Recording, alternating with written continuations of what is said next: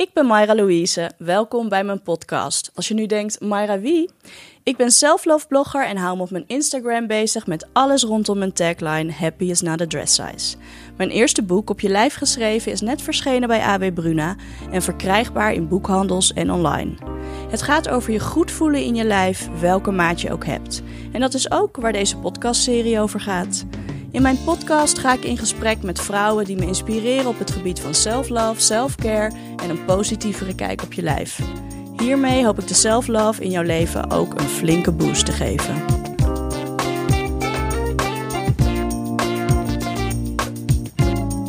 Daar zijn we weer met een nieuwe aflevering. In de vorige afleveringen hebben we het gehad over dieetcultuur, het schoonheidsideaal, dik zijn in een maatschappij waar dun zijn de norm is, maar ook over manieren om je zelfvertrouwen een boost te geven. Voor mij vallen of staan al die dingen en hoe ik ermee omga met selfcare. Dat is voor mij echt de basis van alles.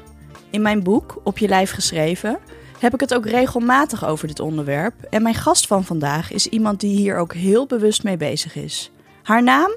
Stephanie Afriva. In het interview dat ik met haar hield voor mijn boek, zei ze letterlijk: I am my own best friend. En dat is precies waar we het vandaag ook over gaan hebben. Want hoe doe je dat? Je eigen beste vriendin worden. Het is pas sinds een paar jaar dat ik actief onderzoek hoe ik goed voor mezelf kan zorgen en wat ik nodig heb om me goed te voelen. Maar het grootste deel van mijn leven hield ik me daar totaal niet mee bezig. Mijn negatieve kijk op mezelf zorgde er juist voor dat ik mezelf alleen maar aan het straffen was. Ik vond al snel dat ik dingen niet goed deed en dat vertelde ik mezelf de hele dag door. Maar ik sprak ook hardop negatief over mezelf. Een vriendin van me zag dat en ze noemde me vaak gekscherend Negative Nancy. Ik kan je vertellen, zo'n azijnpisser als deze Nancy krijg je niet zomaar uit je systeem.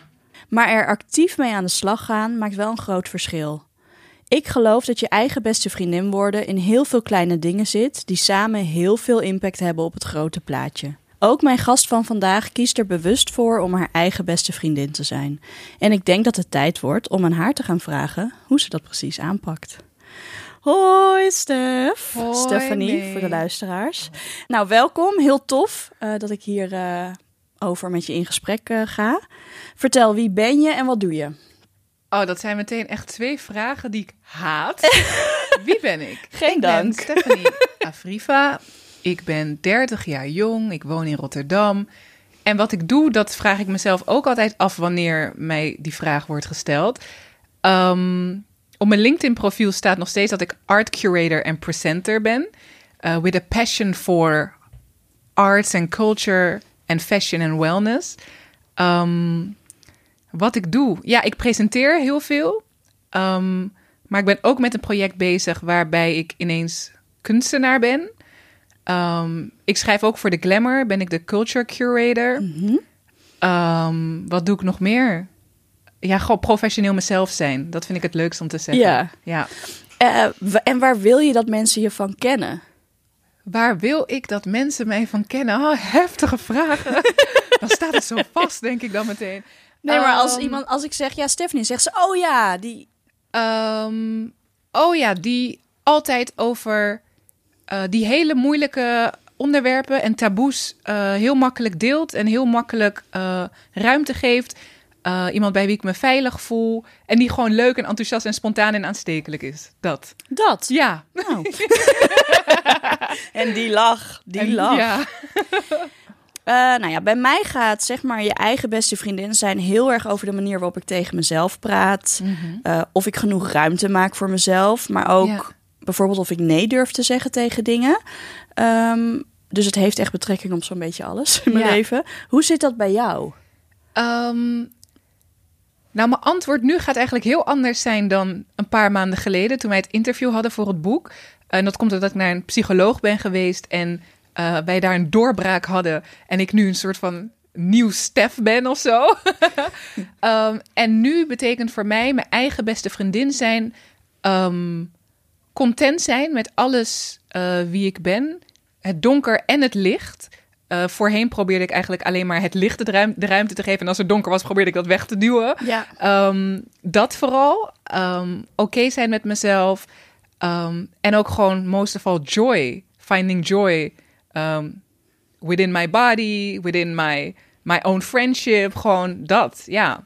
Maar hoe doe je dat? En is dat iets wat jou natuurlijk afgaat? Ehm, is dat iets wat mij natuurlijk afgaat? Ja, maar voorheen niet helemaal op de manier uh, die het beste voor mij was. Mhm. Uh, maar ik heb heel erg. Ik ben niet onzeker over mijn uh, uiterlijk. Dus ik heb heel erg, soms sta ik ochtends op, niet elke dag natuurlijk. Het is gewoon, ik ben mens, weet je. Maar soms sta ik ochtends op. Ik heb een hele grote spiegel in mijn kamer. En dan sta ik daarvoor en dan denk ik, ja man, oh mijn titties, mijn taille, I love this. Looking good, sis. ik zeg al heel eerlijk, niet elke dag, obviously.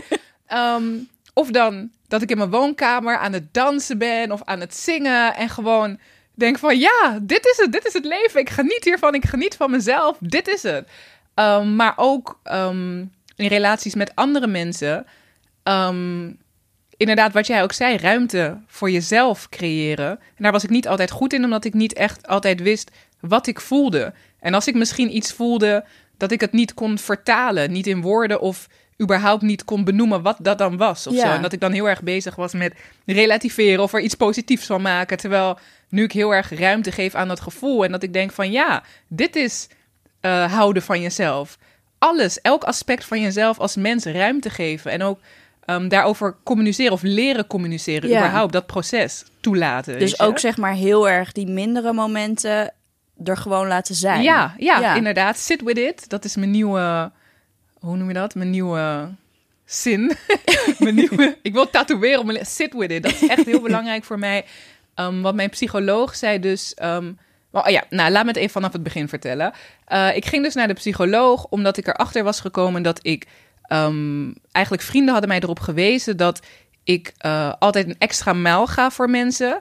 Uh, maar wanneer ik dat dan niet terug ontvang, diezelfde soort liefde of effort, dat ik dan die mensen afkap. Dat ik klaar Ja. met ze ben of boos word of whatever.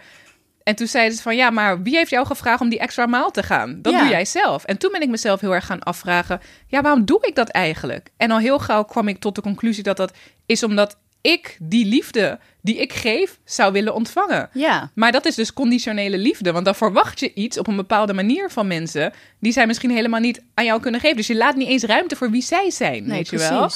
Um, en toen dacht ik, ja, dit gaat mis. Want ja, ik had een vriendschap verbroken met iemand die me heel dierbaar is. Um, is nu weer weer goed hoor. Ja, um, en toen dacht ik, ja, ik moet hier gewoon iets mee. Want dat komt natuurlijk ergens vandaan. Uh, zij, Zijstraat even. Mijn moeder is ongeveer twaalf jaar geleden op een dag vertrokken. Um, dus ik en mijn vader en mijn zusje hebben geen contact meer met haar. En ik dacht natuurlijk meteen, oh, dat heeft daar iets mee te maken. Dus ik ging naar de psycholoog. ja. Eerste sessie natuurlijk vertellen wat je allemaal denkt dat er aan de hand is en zo. En um, toen heb ik drie sessies gehad. En elke keer gingen we niet, niet naar die ervaringen uit het verleden. Dus en ik, ze deed wel hele praktische. Um, ze gaf me hele praktische opdrachten. Um, en daar leerde ik ook echt heel veel van. En ook over mezelf. Maar ik dacht, ja, maar ik moet toch naar mijn trauma. Ja. Ik moet naar Ja. mijn trauma. Want anders kom ik nergens. Weet Ja. je wel.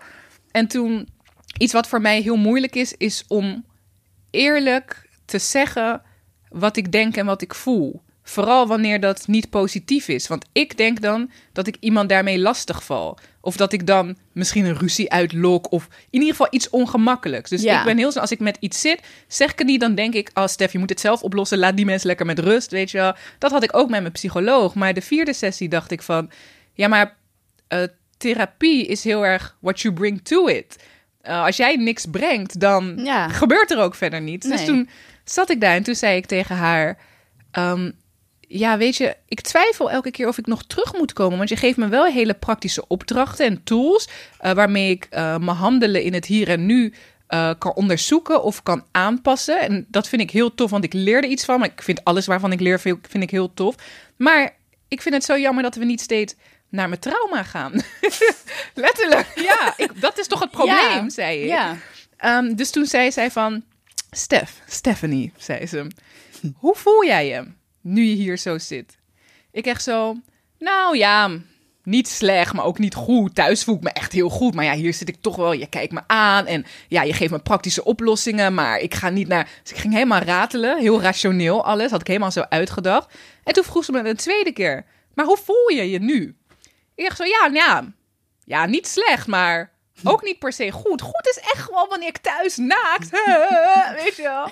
En toen vroeg ze het voor een derde keer. Stephanie, hoe voel je nu je hier zo zit? Dus ik echt zo... Ja, niet slecht. Gewoon goed eigenlijk wel. Toen zei ze... En dat is het bij jou.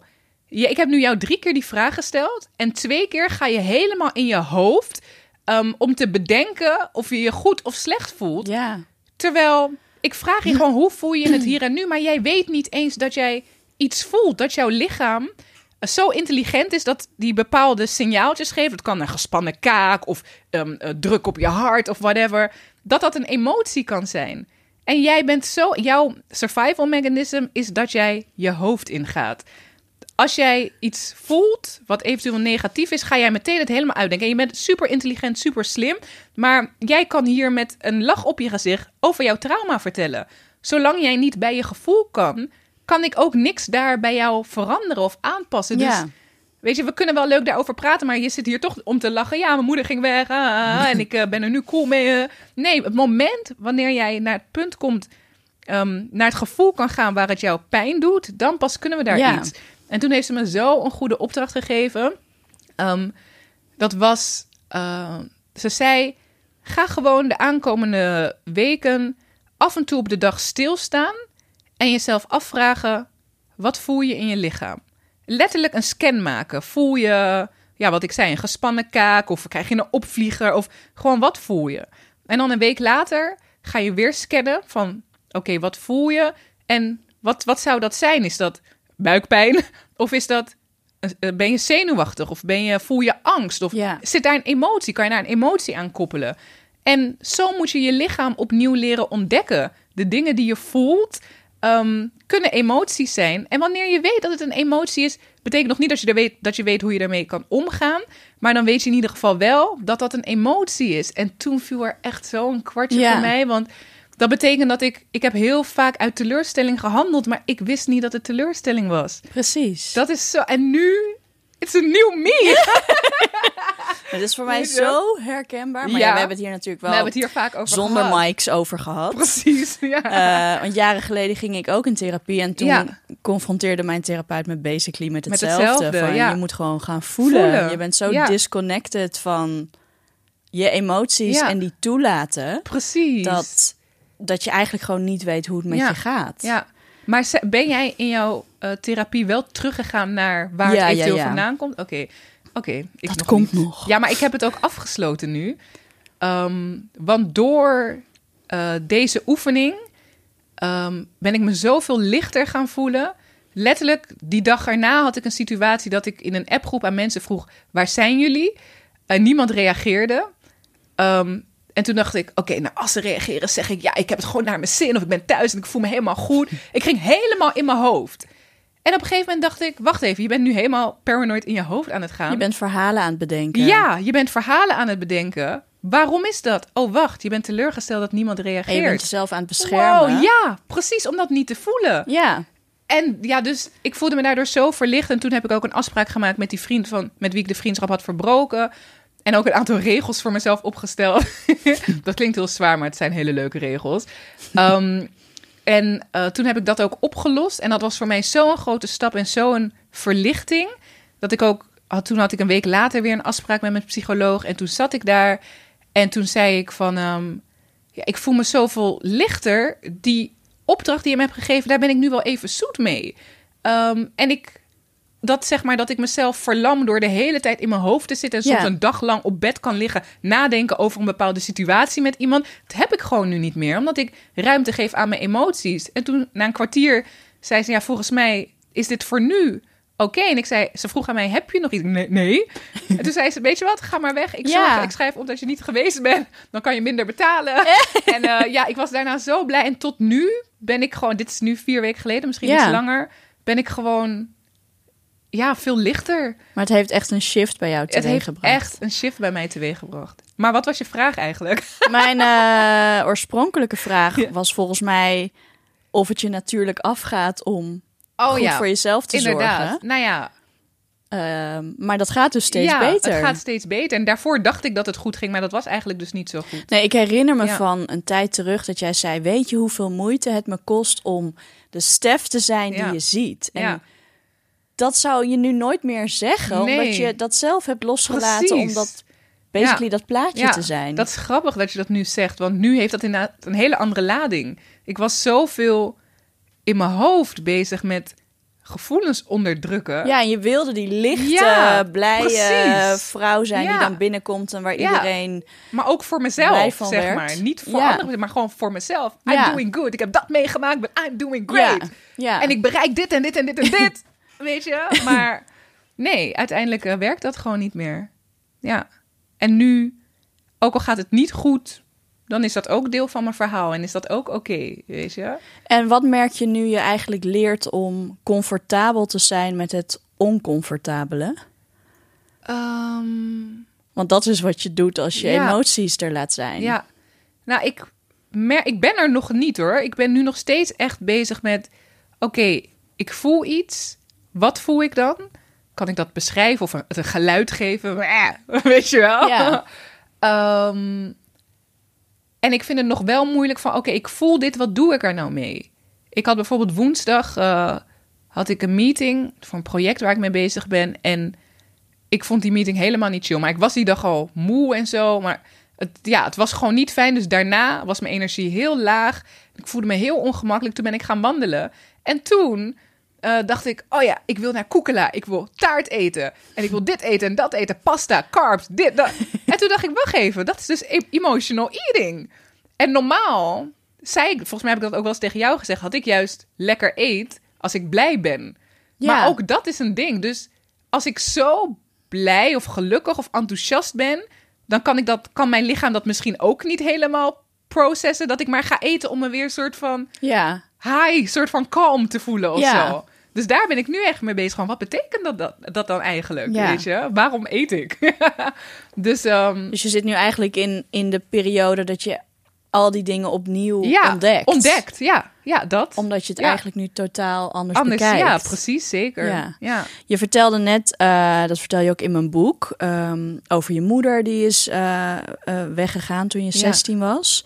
Ehm, als je kijkt naar de manier waarop jij door de jaren heen naar jezelf bent gaan kijken, Mhm. ehm, ja, wat zijn dan de dingen die daar de meeste impact op hebben gehad? Is het dan het vertrek van je moeder of zijn het dingen, andere dingen geweest? Ik denk dat heel veel dingen die echt invloed daarop hebben gehad, zich afspeelden voordat mijn moeder vertrok. Ik neem aan dat je het nu hebt over het racisme wat we hebben meegemaakt. Bijvoorbeeld, ja. Nou, dat was dus daarvoor. Ehm, ja, we waren het enige gezin van kleur in een hele witte wijk. En dat hebben we ook gemerkt. Eh, we zijn heel erg racistisch bejegend. Ehm, en dat is in de vorm van huis in de fik gezet, vuurwerk door de brievenbus, eieren tegen het raam, stenen naar mijn moeders hoofd, vechtpartijen. Dat, zeg maar. Ja, Ehm, en ook, ik ben gewoon gepest ook. Voor, om mijn huidskleur, om mijn haartextuur, noem maar op. Maar dat heeft er nooit voor gezorgd dat ik negatief naar mezelf ben gaan kijken. En ik weet niet zo goed hoe dat komt, maar ik ben juist meer ehm, naar mijn roots getrokken of zo. Mijn vader Ja. is Ghanese, mijn moeder is Surinaams, Hindustaans Surinaams. Ehm, met mijn moeder had ik ook een minder goede band, dus ik trok meer naar de Ghanese kant. En mijn vader nam me ook altijd mee naar vrienden en familie en feestjes. En ik was daar gewoon heel erg trots op. ja, Ehm, en ik had toen nog wel eh, gestraight haar, dus glad haar. Ehm, maar toen mijn moeder weg was, ongeveer twee jaar daarna, heb ik ook gewoon mijn haar afgeknipt. Want ik zag dat ik krullen had. Toen dacht ik, maar dat vind ik ook veel mooier dan Ja. gladheid. Het was eigenlijk altijd mijn moeder die had bepaald dat mijn haar werd gestraight, weet je. Ehm, dus misschien kwam er een soort van vrijheid nadat zij weg was, om mezelf te ontdekken eh, eh, aan de hand van wie ik echt was en hoe Ja. mijn haar er echt uitziet, zeg je vertelt in het boek ook dat je was toen geloof ik 19. En Ja. ja, je ging je haar toen natural dragen. Ja. En toen had je echt zoiets van, Dit ben ik. dit ben ik. Dit is hoe ik hoor te zijn. Een afro hoort gewoon. Nu klopt het Ja. helemaal. Ja, En daarna Ja, kwamen klopt. er eigenlijk ook een soort van tien jaar waarin je... mezelf steeds gewoon zo erg bij jezelf Ja, precies. Het is de rode draad in mijn leven.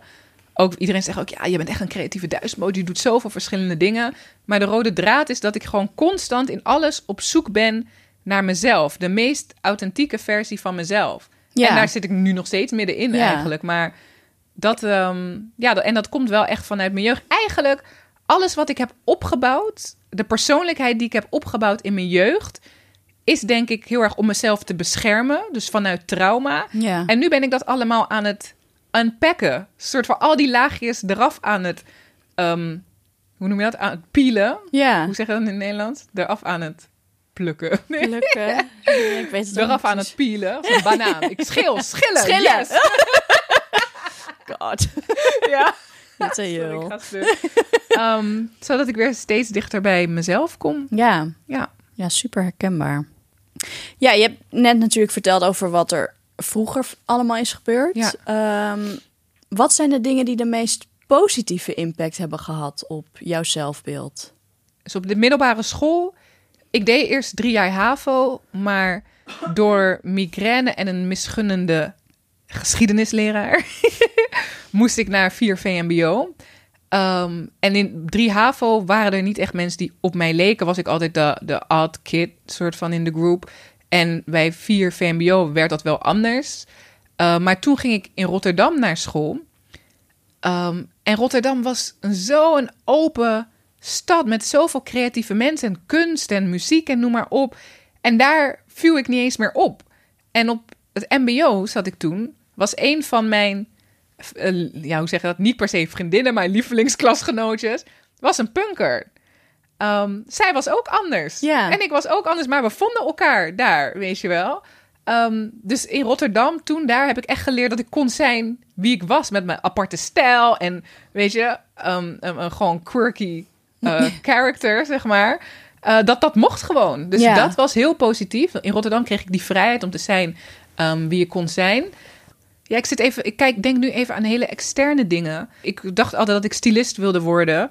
Dus ik, wat ik las was allemaal van die indie modeblaadjes. Ja. En daar is iedereen ook anders, weet je wel.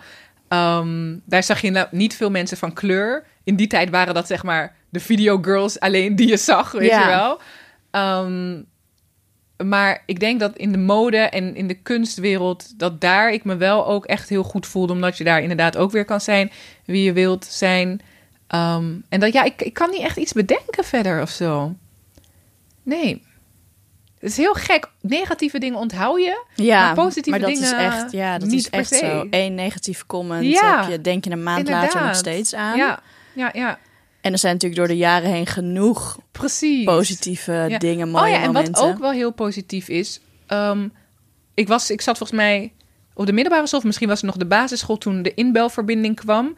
en omdat ik gewoon een beetje een loner was, uh, was ik ook vanaf de eerste social media profielen was ik erbij. Want dan kon je ook gewoon. En je kon uh, een online identiteit creëren van wie je wilde Ja. zijn. Maar je kon ook gewoon echt jezelf zijn. En ik had volgens mij een beetje alle twee. In het begin had je Ilse en CU2 en zo. Maar op een gegeven moment vind je ook heel veel like-minded people. Gewoon mensen die op je lijken, die hetzelfde denken, hetzelfde muzieksmaak, hetzelfde kunsten, interessant vinden, dat soort dingen. En dan vind je ook gewoon een hele space voor Ja. uh, van mensen die jou bevestigen. Ja, als hoe jij gewoon bent of zo. Dat was ook heel waardevol voor mij. Ja, dat is ook iets heel positiefs. En ook gewoon, dat is nu nog steeds met Instagram eigenlijk hetzelfde.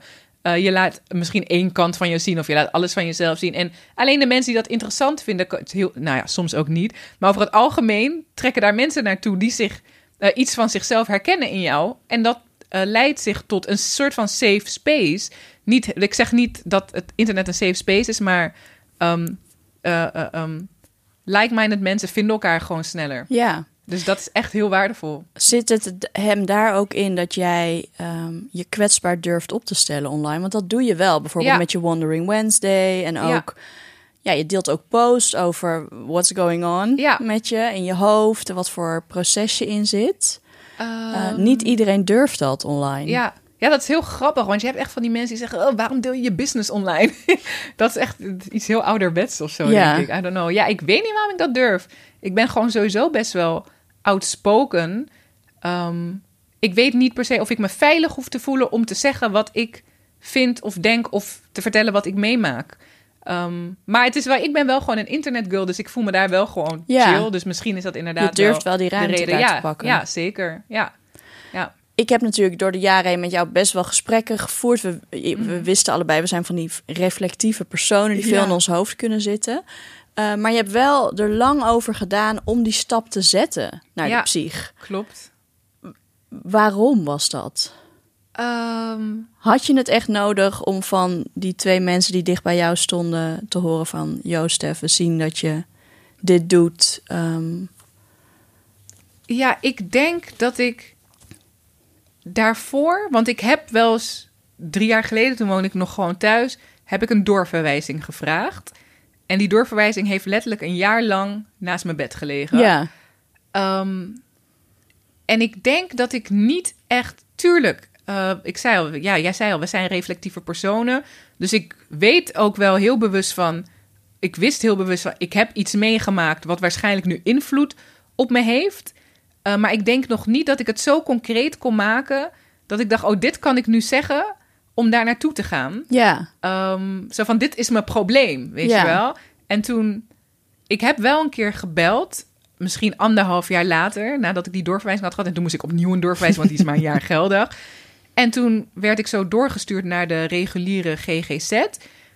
En toen moest ik eerst een vragenlijst invullen en daarna kreeg ik een telefonische screening. En toen eh, ging ze vragen, ja, hoe voel je dan? Eh, wat voor invloed heeft dat nu op je dagelijkse leven? Noem maar op. En op een gegeven moment eh, vroeg ze ook zoiets van... nee, nee, nee, toen zei ik zei van ja, met vriendschappen, die gaan steeds stuk. En soms ben ik niet per se depressief, maar wel gewoon sad of zo. En dan lukt het me gewoon niet om dingen te doen. En dat kan Ja. soms drie weken duren, soms maar een paar dagen. Maar het belemmert me wel, weet je. En toen ging ze, zei ze, ja, ik moet het even overleggen. En toen kwam ze terug en ze zei letterlijk... Ja, nou ja, je problemen zijn niet zo erg. Het is niet dat je jezelf iets wilt aandoen of zo. Dus we weten niet zo goed wat we met je aan moeten. En dat was zo'n smek in mijn gezicht. Maar ik dacht echt, omdat ik dus niet dood wil... zijn mijn Ja. gevoelens niet valid en is er geen plekje voor mij daar. Dat vond ik zo erg. Dus heb ik het weer een jaar laten liggen. En toen, en nu ook ben ik niet in de re- reguliere GGZ terechtgekomen. Ik dacht, ik ga dat ook niet meer proberen. Ik ga gewoon googlen. Psycholoog Rotterdam. Klik, Ja, klik, precies. klik, bellen. Zelf let's go. regelen, Ja, ja. precies. Zelf regelen. Dus, eh, maar nu had ik wel ook echt gewoon een case of zo. Dus voor mezelf voelde dat gewoon veilig. Ik kon letterlijk zeggen, oké, ik heb dit meegemaakt. Er gebeurt nu dit en dat werkt gewoon niet meer Ja. voor mij. Eh, ik denk dat het met elkaar te maken heeft, maar ik moet er in ieder geval Ja. iets mee. Zo. Bij mij was het ook ongeveer zo. Toen ik, Ja. toen ik 34 was of zo, ben ik volgens mij in therapie gegaan. En dat was gewoon omdat ik steeds rondjes draaide. Ja. Ik kwam steeds op hetzelfde punt. Ja, dacht precies. oké, misschien ligt het niet aan al die mannen in mijn Inderdaad, leven... waar maar- ik de hele tijd dezelfde situaties mee heb. Ja, precies. Mijn, ja, dat mijn liefdesleven was echt major eh, insight. Dat Maar, waren echt eh, wel leuke verhalen toen. waren leuke verhalen, ja. En wij dachten altijd, ja, maar mee, je gaat ook meteen zo snel. Nee. Ja, je gooit meteen alles van jezelf erin binnen twee weken. Ja, maar ik was altijd gewoon serieus met die mannen. precies. Ja. Ik was gewoon committed. Als ik dan iemand tegenkwam, dan dacht ik... ik vind jou leuk, laten we hiervoor gaan. En hij Precies. Ja, je bent leuk in mijn stal. ja, oh my god. Ja. Jammer.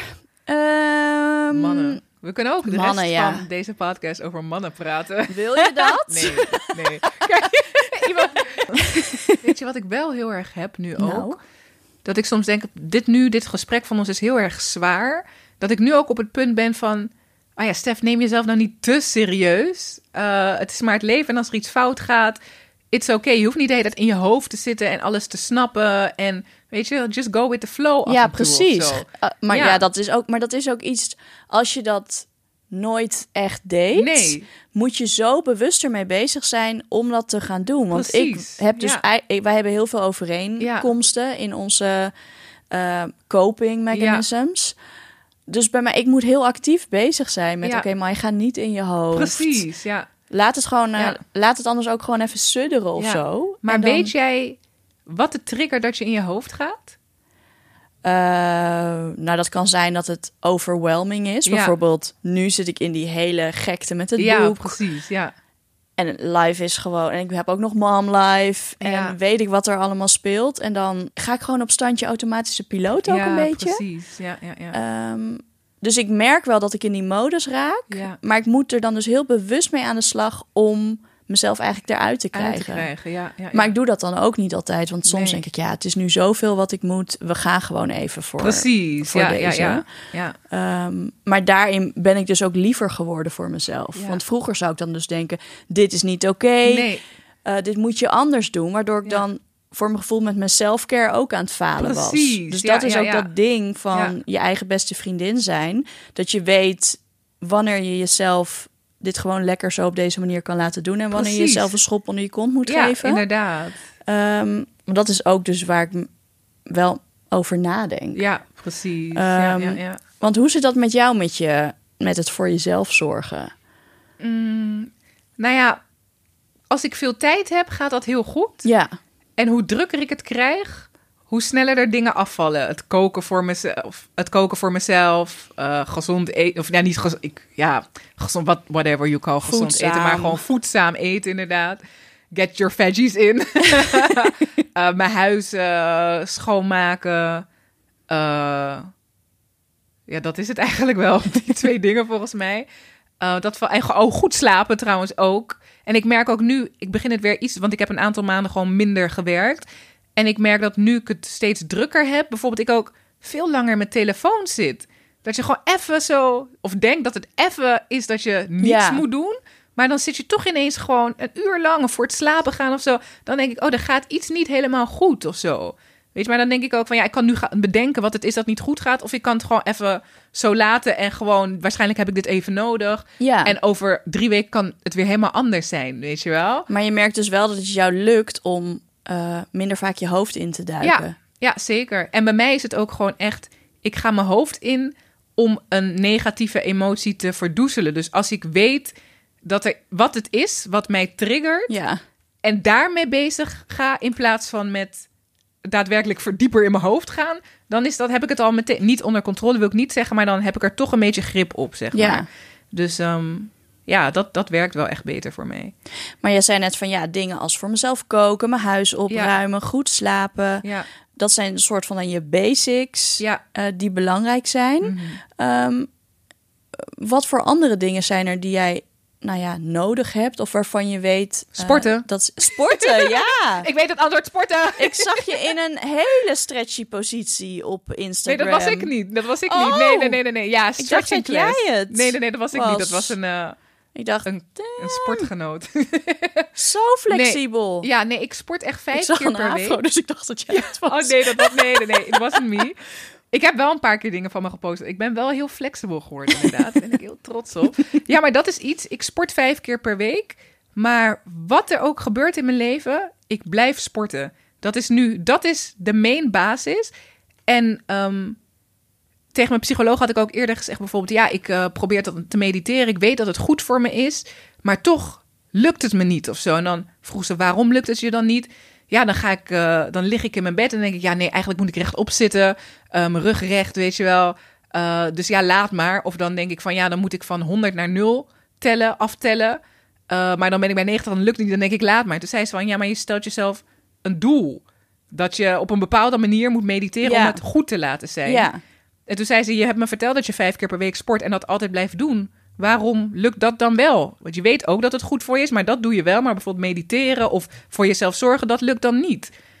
En toen ehm, eh, eh, observeerde zij, met sporten heb je geen doel. Je wilt niet afvallen, Nee. je wilt niet eh, abs krijgen, je wilt niet de beste tennister worden, bij wijze, weet je wel. Je hebt geen doel voor jezelf. Je doet het gewoon puur because you like it. de joy waar je het de joy, had. inderdaad. Ja, terwijl bij mediteren zet jij een doel voor jezelf. Dat je bij nul moet komen. Dat je met je spine straight moet zitten. In een kleermaker zit, weet je wel. Ja. Je hebt allemaal doel. En dat is beangstigend voor jezelf. Ook, ehm, ik was gevraagd om een column te schrijven. Ik zei, ja, ik zit, ik, het lukt me gewoon. Ik ga niet eens achter die computer zitten. Want ik denk er dan aan dat het in een bepaalde vorm moet zijn, bla bla. Zeg, het moment dat jij tegen jezelf zegt dat iets moet zijn op een bepaalde manier...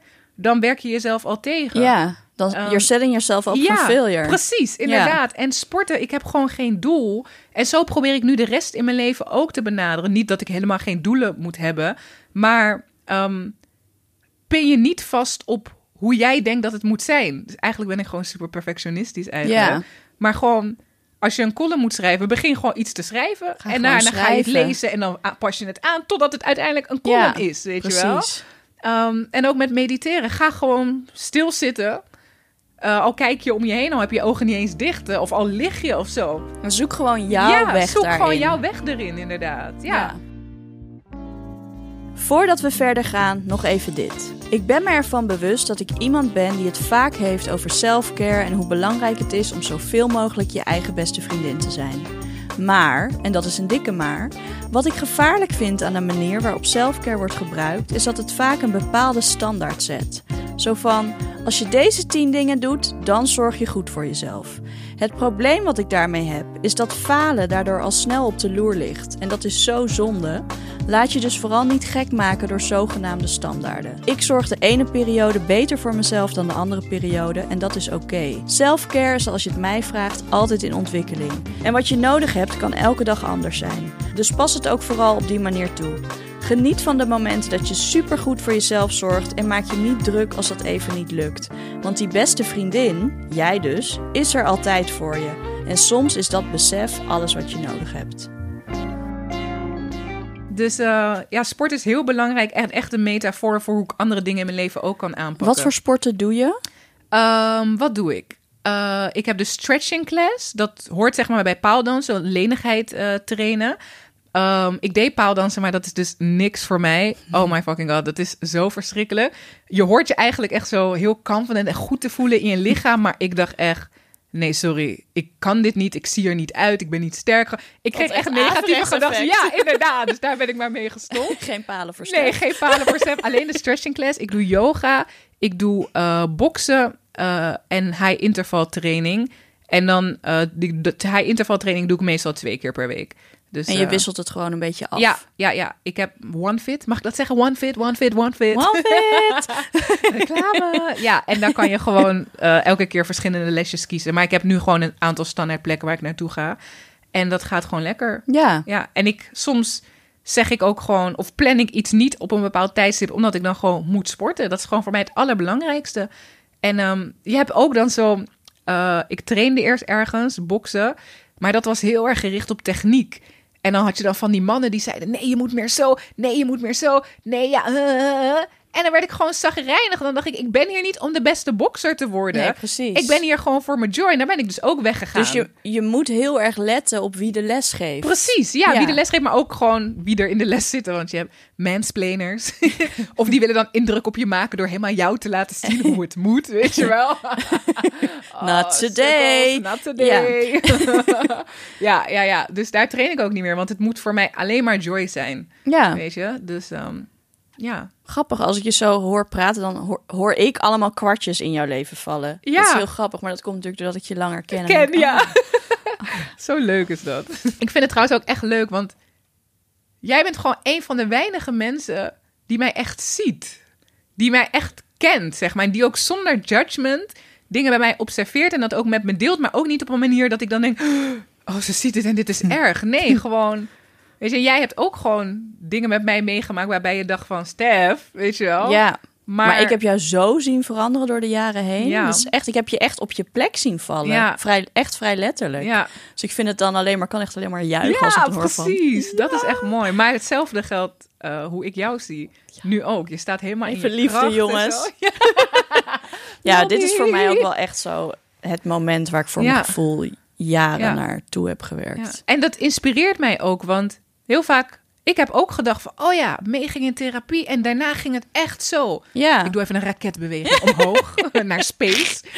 Ehm, en dat is voor mij dan ook een motivatie van, damn, zij heeft aan zichzelf gewerkt. ja. En als ik dat ook doe, dan komt er misschien ook meer ruimte voor wat ik daadwerkelijk voor de wereld wil betekenen, Ja. weet je wel? Dus dat is heel powerful. ja. Maar het ding is, jij was altijd al heel erg out there. Ja, ja. Ik deed dat niet. Ik Niet, was gewoon van, ja, ik wil dat wel. Ja, maar, precies. mm, dat is voor mensen zoals Stef. ja. En nu durf ik gewoon achter een microfoon te ja, jij presenteert nu deze fucking Ja, podcast. dat is Wat? gewoon... Dat hadden we vijf jaar geleden niet bedacht. Nee, inderdaad. Ja. Maar wat, ja, dat, dat is ook in ons gesprek nu gewoon Mhm. leren zitten met dingen die pijn doen, met Ja. je shit er gewoon laten zijn. Ja. En ik las van de week bij eh LXL, die ik heel erg tof vind op Ja. Instagram. Eh, die schreef: Trust, even in times of uncertainty, that I am rooted in abundance. Yes, that realization may have emerged after going down a tunnel of fear, but that happens to the best of us. Mhm. Dus juist op de momenten dat je super bang bent Mhm. voor wat het leven op je gooit, Mhm. dat je weet van het zit wel goed, Ja. ik kom hier wel uit. Ja, dat heb ik de afgelopen weken maanden heel erg ervaren. Volgens mij ook toen jij mij interviewde, zei ik tegen jou... ik weet gewoon niet hoe ik volgende maand mijn huur ga betalen. Want ik had er gewoon letterlijk voor gekozen om even Ja. een stapje terug te doen. En dat, dat gevoel heb ik dus een aantal maanden gehad. Ehm, maar, en dan soms was ik echt bang. En had ik ook een vriendin die zei... Stef, jij krijgt gewoon over een uur of misschien morgen weer een mailtje... met de aanbieding voor een of andere gig. En dan ben je weer oké. en dat heeft ze echt een paar keer moeten zeggen... totdat ik het ook echt ging geloven. En het echt hoorde. Ja, van- precies. Maar het gebeurt ook elke keer. En ik geloof er echt in dat zolang ik geloof. ehm, eh, eh, ik heb ook inderdaad die affir- affirmation, I am abundant. Ehm, zolang ik dat blijf geloven, blijft dat ook komen. Ja, Letterlijk, heel veel mensen ja, vinden dat moeilijk om te geloven. Maar ik heb echt even de laatste tijd financiële issues gehad. Ja, niet, ik wil het niet eens issues noemen, want het is steeds goed gekomen. Maar dat ik echt dacht, shit, ik weet gewoon niet hoe ik over drie weken mijn huur ga betalen. En dan krijg ik ook nog op de belastingdienst nu. Ik ga gewoon huilen en gillen. Heb ik ook gedaan, huilen en gillen. Huilend mijn vader bellen. En dan opeens drie dagen later is het ja. gewoon helemaal opgelost. Weet je, ik, ja, zolang ik geloof dat dat mogelijk is, dan is, er, is die mogelijkheid er ook. Het is ook echt Ja. zo, want ik leefde jarenlang met niet geloven in mezelf. Dus het kwam ook niet. Niet, Al die ja. doemscenario's die ik bedacht, Ja. oké, niet allemaal kwamen ze uit, maar Ja. wel veel. Ja, Omdat ik daar de hele tijd mee bezig was. Ik Ja. was alleen maar shit op mezelf aan het projecteren. Wat krijg je dan? Shit. ja, shit. En nu durf ik gewoon Ja. steeds meer te denken van ja, nee, dit gaat goed en het komt Ja. wel goed. En ik, ik heb een verhaal te vertellen en mensen willen dit horen. En Precies, ja. Ja, is- en ook, wat ook de grootste verandering is bij mij, is dat ik had altijd wel affirmations, maar die zei ik maar gewoon. Ja, En nu als ik zeg, ik heb een hele lange rij met affirmations. en als ik die zeg, dan voel ik dat, dan geloof ik dat, dan is dat het ook echt voor mij. Het is de intentie meer dan Ja. het zeggen of het opschrijven. Ja. Het is de intentie, weet je. En dat is echt... ehm, voor de luisteraar die nu denkt, affirmations, Ja. wat?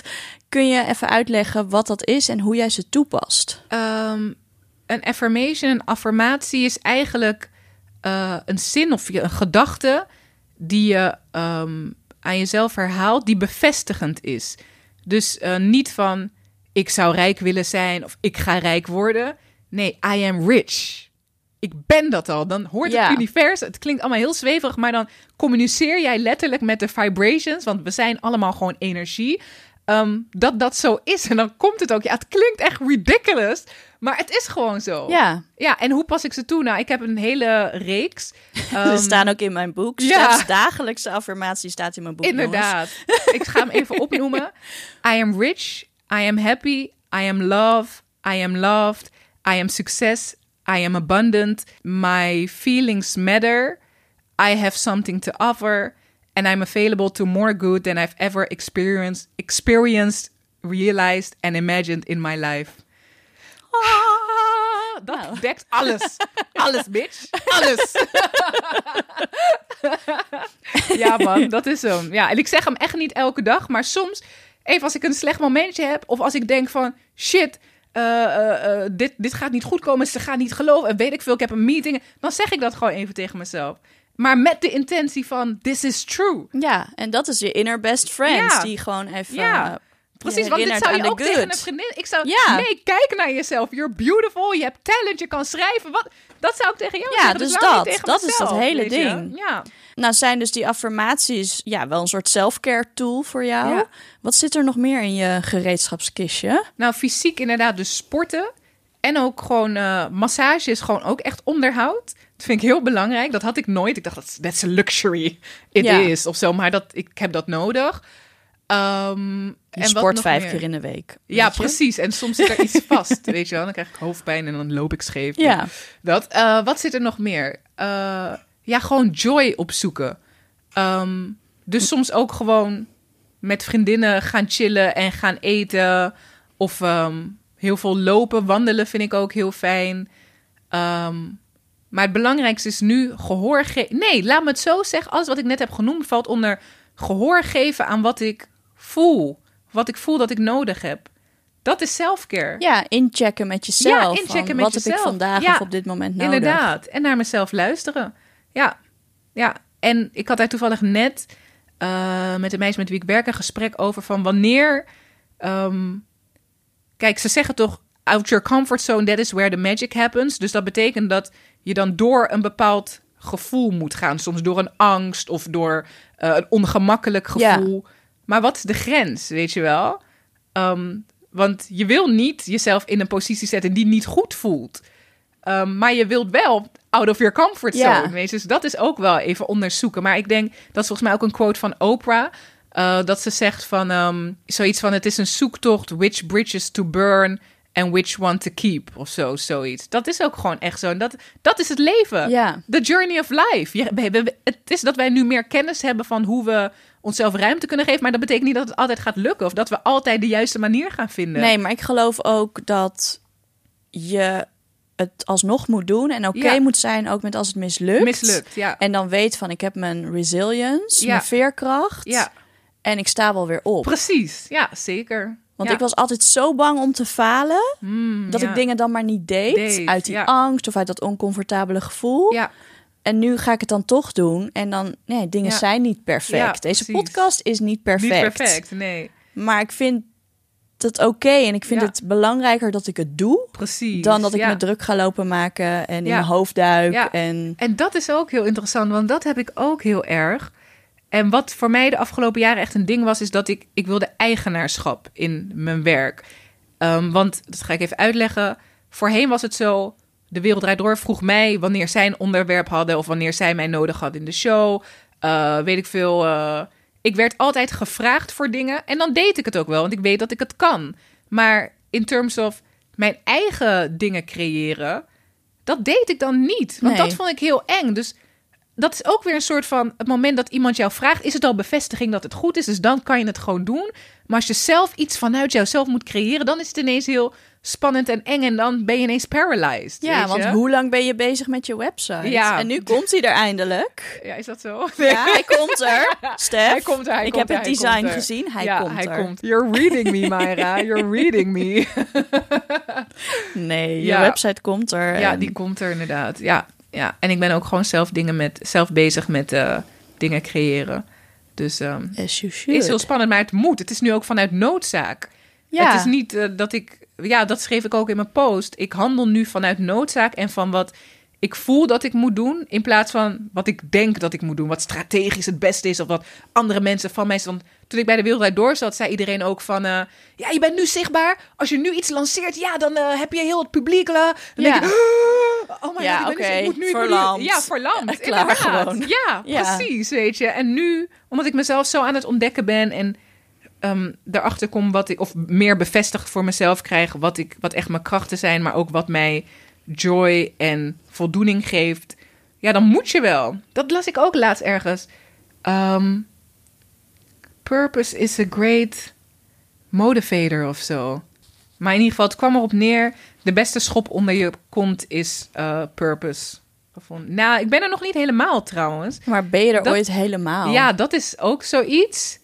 Maar ik heb nog steeds een beetje ehm, dat het gaat. eh, ja, hoe noem je dat? Dat het druk wordt in mijn hoofd als ik denk: oké, maar hoe ga ik dit nou precies vormgeven? Of wat is het nou echt? Weet je, want ik weet dat is ook iets wat ik mezelf altijd heb affirmed.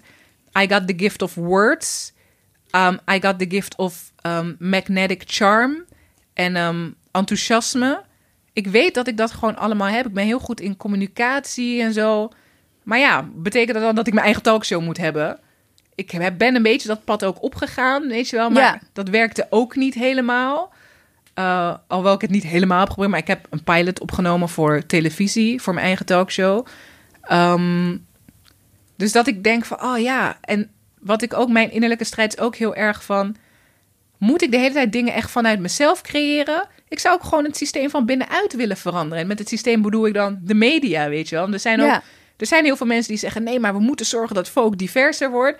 Maar er zijn ook mensen die zeggen: ja, nee, we moeten ons eigen magazine. Ja. Weet je hoe zwaar het is om je eigen magazine, eigen platform, noem maar op te bouwen? Dat is niet iedereen's eh, purpose of, of, of, of werk. Weet je wel, dat is eigenlijk heel iets anders dan gewoon een space krijgen om jezelf te uiten. Weet ja, je en het is ook zeg maar wat er allemaal bij komt kijken. Ja, zeker. Dat moet je ook liggen. dat moet je ook liggen, inderdaad. Tuurlijk, want zie je ja. dat, dat eindidee zie ja. je. Ja, Maar alle dingen die erbij komen kijken, precies. Ja. dat is het echte Ja. werk. Ja, en ook dat ik mezelf afvraag: ben ik echt eh, een ondernemer? Ja, ik ben een ondernemer. Ik ben ZZP'er. Ik sta ingeschreven bij KVK. Maar ja, je hebt ook verschillende soorten ondernemers. Dus nu ga ik ook weer aan mezelf twijfelen of mezelf soort van proberen te eh, eh, plakken op hoe een ondernemer moet zijn. Maar je hebt gewoon ondernemers die aan de lopende band concepten bedenken en dat uitvoeren en dan verkopen, weet je wel. En je hebt ondernemers die hun leven lang aan één ding werken Ja. om dat op te zetten, weet je.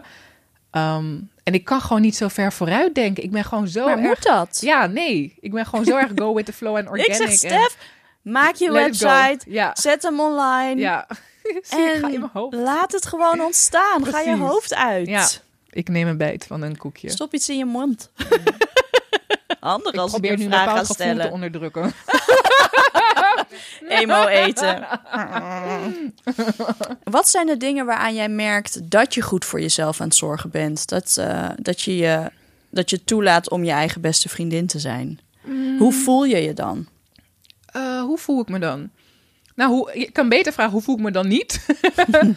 Ehm, wat ik al eerder benoemde, ik kan soms echt le- letterlijk verlamd raken van ehm, in mijn hoofd zitten. Ehm, dus dat ik dan allemaal dingen moet doen, maar dat ik gewoon, gewoon op bed lig. Ja, Gewoon alleen, de, alleen maar denken, situaties opnieuw afspelen. Wat ik zou moeten zeggen, wat ik eh, kan zeggen, wat ik. eh, weet je wel, dat.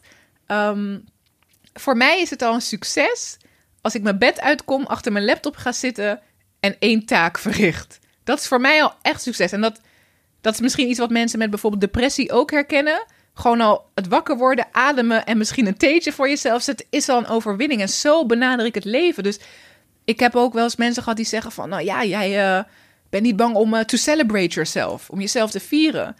Dan denk ik, ja, maar de, want life is quite a task, weet je wel. En ik ben hier nu al 30 jaar. That's, that's worth gewoon celebrating yourself. ja. Dus ehm, ja, wanneer ik gewoon iets voor elkaar krijg, al is het maar een heel klein dingetje, showing up for myself, dat, Ja. dat is voor mij al van, you're doing great, sweetie. En je probeert dus ook juist naar die kleine dingen te kijken. Ja. Dus niet alleen van, oh, je hebt eh, een pilot opgenomen of je bent bezig met Nee.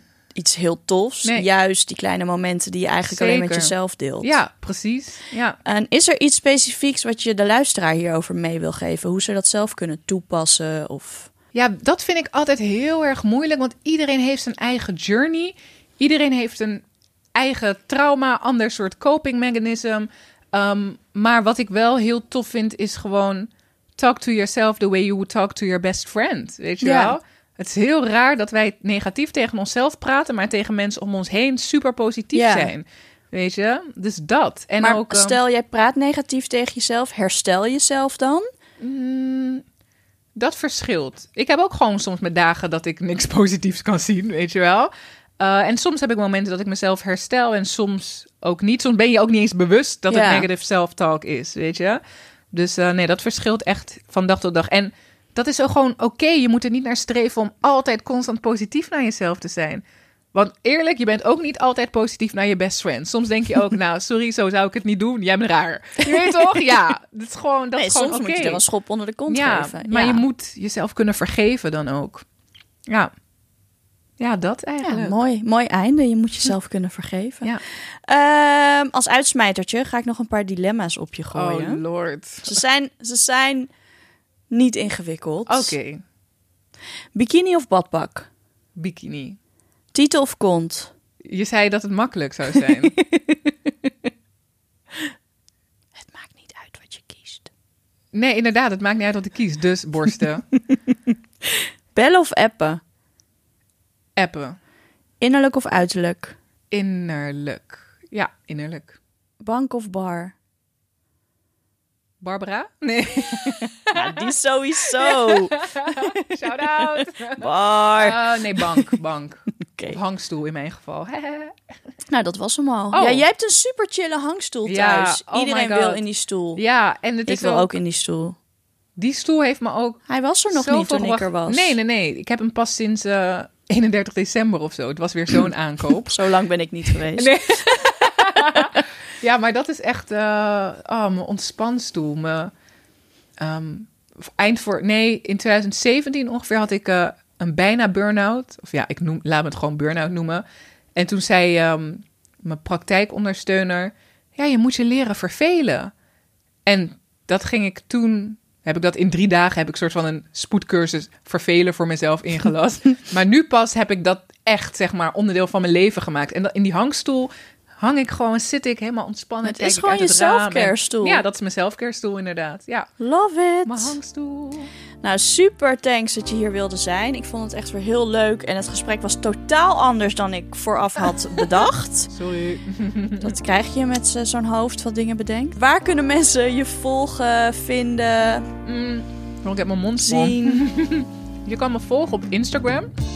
OK Afrifa. Dat is O-K-A-Y-A-F-R-I-F-A. Ik zet hem in de beschrijving. Ja. Soms denken mensen dat ik Okaya heet. Dan het Ja. zo stuk. Ja. Uh, voor de luisteraars, thanks voor het luisteren. Ik hoop dat je weer mooie inzichten uit deze aflevering haalt. Abonneer je sowieso op Spotify, iTunes, waar je ook luistert. Vergeet niet om te laten weten wat je van de aflevering vond. DM, mail, laat een review achter. Mijn boek Op je lijf geschreven ligt sinds 7 mei in de winkel en is overal verkrijgbaar, dus ga hem zeker halen. De muziek in deze podcast is gemaakt door Navadem en mijn broertje Ramon de Wilde, dus shout-out naar de mannen. Dit was voorlopig de laatste aflevering van mijn podcast, maar ik hoop heel snel weer bij je terug te zijn, want ik vond het super tof om te doen en ik ben nog lang niet uitgesproken. Voor nu, thanks voor het luisteren en vergeet niet, happy is not a dress size.